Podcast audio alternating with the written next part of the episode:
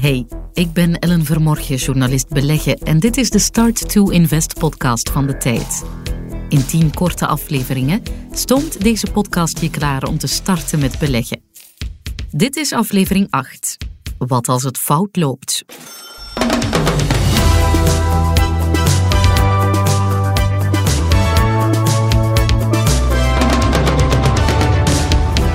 Wie ooit The Hitchhiker's Guide to the Galaxy van Douglas Adams heeft gelezen, weet dat er op de achterkant van dat fictieve boek in grote, vriendelijke letters Don't Panic staat.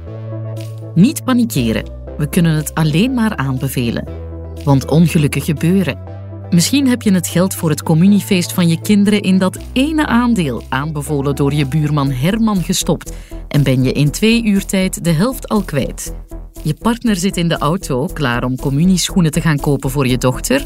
Jij aan je laptop, wegkwijnend bij het zien van al die rode cijfers. Dat soort situaties willen we met deze aflevering vermijden.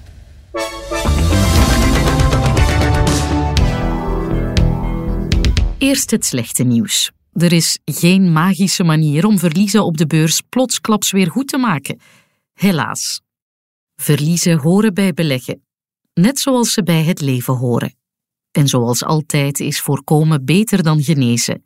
Daar gaan we ons in deze aflevering op concentreren.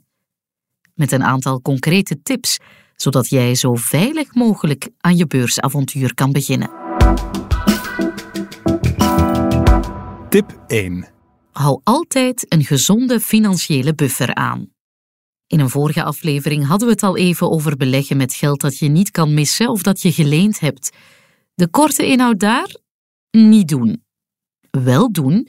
Wie aan het beleggen slaat, houdt best een voorraad cash achter de hand. Een soort noodfonds, zeg maar.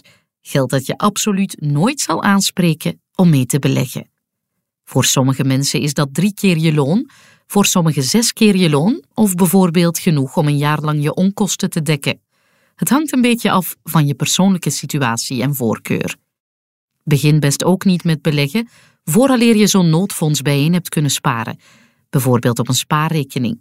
Geloof me, je slaapt er beter van s'nachts. Tip 2. Even oefenen voor je begint. Op onze website tijd.be kan je een oefenportefeuille aanmaken. Maak daar bijvoorbeeld een maand lang de keuzes die je van plan was te maken en evalueer daarna. Hoe voelde het om die portefeuille op en neer te zien gaan? Heb je flaters begaan of enorme successen geboekt? Waren dat eenmalige zaken uit puur geluk of kan je dat herhalen?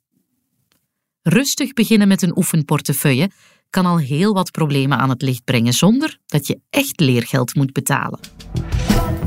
Tip 3. Zet een filter op de ruis. Typ het woord beleggen in je zoekmachine en je wordt bedolven onder een lawine aan informatie en advies. Informatie is meestal goed als het van een betrouwbare bron komt. Advies, wel... major technology sectors. Apple's under pressure. Uh, Yahoo down 8.5%. Cisco 6.5%. Research in Motion 10%.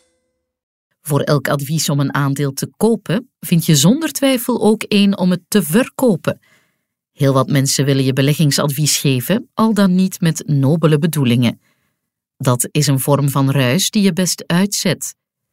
Als je goed geïnformeerd bent en een persoonlijk beleggingsplan op papier hebt gezet, zoals we zagen in een vorige aflevering, dan is de enige persoon waar je echt naar moet luisteren jezelf. Een andere vorm van ruis is wat er van dag tot dag gebeurt op de beurs. Sommige dagen zijn belangrijk, maar voor wie gezond op lange termijn belegt, zijn de jaren en de decennia belangrijker. Als je je zorgen maakt over wat er op één dag met je beleggingen zou kunnen gebeuren, dan is je portefeuille waarschijnlijk te agressief samengesteld. Tip 4. Handel niet te veel. Zoals ik je vertelde in de aflevering over kosten, beurstransacties kosten geld. Als je op elke trein wil springen die je interessant lijkt en onderweg nog een paar keer van spoor wil wisselen, ga je je blauw betalen aan kosten. Deze geforceerde metafoor alleen maar om te zeggen: maak je keuzes en blijf ze trouw. Een gezonde beleggingsstrategie vraagt in principe geen continue aanpassingen. Een jaarlijkse of halfjaarlijkse evaluatie is wel een goed idee. Tip 5. Blijf niet plakken aan je verliezers. Nee, dit is geen relatieadvies voor de duidelijkheid. Sommige mensen houden beleggingen die het slecht doen veel te lang bij, terwijl ze eigenlijk weten dat de kans minuscuul is dat ze ooit weer op winst zullen staan. De tijdjournalist Serge Mampai legt uit waarom je best toch afscheid neemt van je grote verliezers. Mijn motto en ervaring is eigenlijk, als een bedrijf met echt slecht nieuws komt, is het beter dat meteen op de beurs te dumpen. Eh, de bekende superbelegger Warren Buffett, de rijkste belegger ter wereld, die zegt dat ook. Die zegt, als je één kakkerlak ziet, dan zijn er ongetwijfeld meerdere die je niet ziet. Eh, je moet wel altijd nagaan natuurlijk waarom een bedrijf met eh, slecht nieuws komt. Eh, als het gaat om een eenmalig, toevallig probleem, zoals een brand bijvoorbeeld, dan vormen die uitschuivers op de beurs vaak een opportuniteit. We hebben dat gezien bij, bijvoorbeeld bij, bij Lotus Bakeries. wat jaren geleden is een fabriek in Meissen afgebrand. Het aandeel heeft daar ja, die dag zelf een beetje last van gehad op de beurs. Maar dat bleek toen een ideale gelegenheid om zo'n kwaliteitsbedrijf dan goedkoper op te pikken.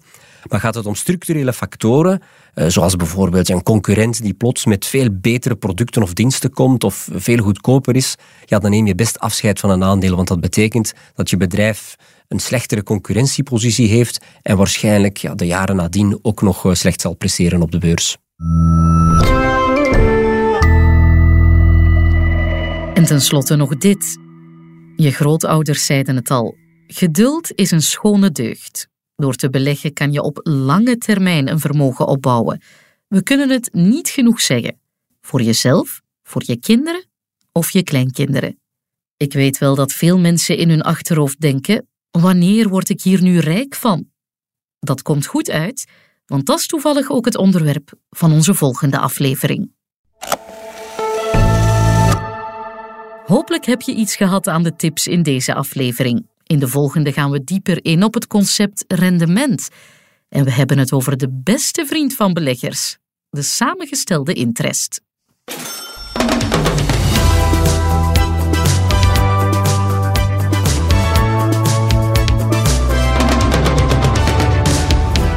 Hey, bedankt om te luisteren naar deze Start to Invest podcast van de tijd. Fijn om je erbij te hebben. Abonneer je gerust op dit kanaal. Een rating geven, dat helpt ons ook erg vooruit.